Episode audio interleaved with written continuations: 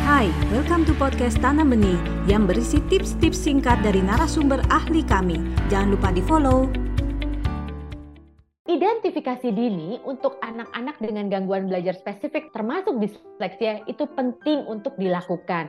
Biasanya golden period ya, usia-usia uh, kritis untuk kita bisa identifikasi dini itu adalah di TKB ya Uh, tapi kalau TKB biasanya kita masih working diagnose ya. Tapi meskipun ada anak-anak tertentu yang bisa kita uh, cukup yakin ya untuk menegakkan diagnosa gangguan belajar disleksia.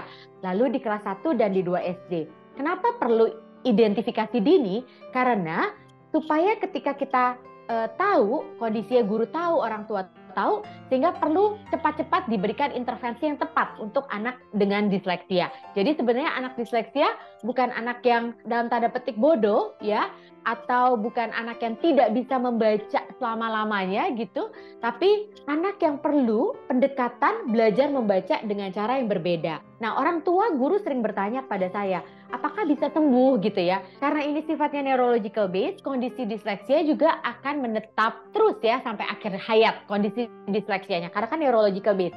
Namun dengan identifikasi dini yang tepat yang tepat, intervensi yang tepat, anak-anak disleksia akhirnya mereka ngerti how to cope ya dengan disleksianya. Bagaimana belajar membaca dengan cara yang berbeda untuk mengatasi disleksianya. Karena kalau untuk membaca di kelas 1 sampai 3 itu istilahnya adalah anak-anak masih di fase learning to read.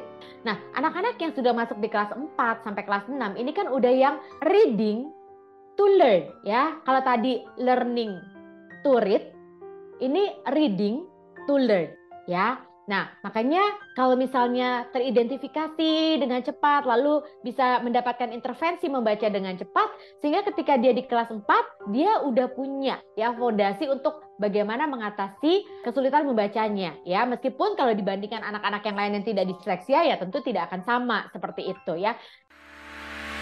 Anda baru saja mendengarkan tips dari Tanam Benih Foundation.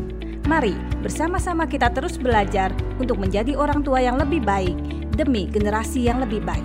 Jangan lupa follow podcast kami.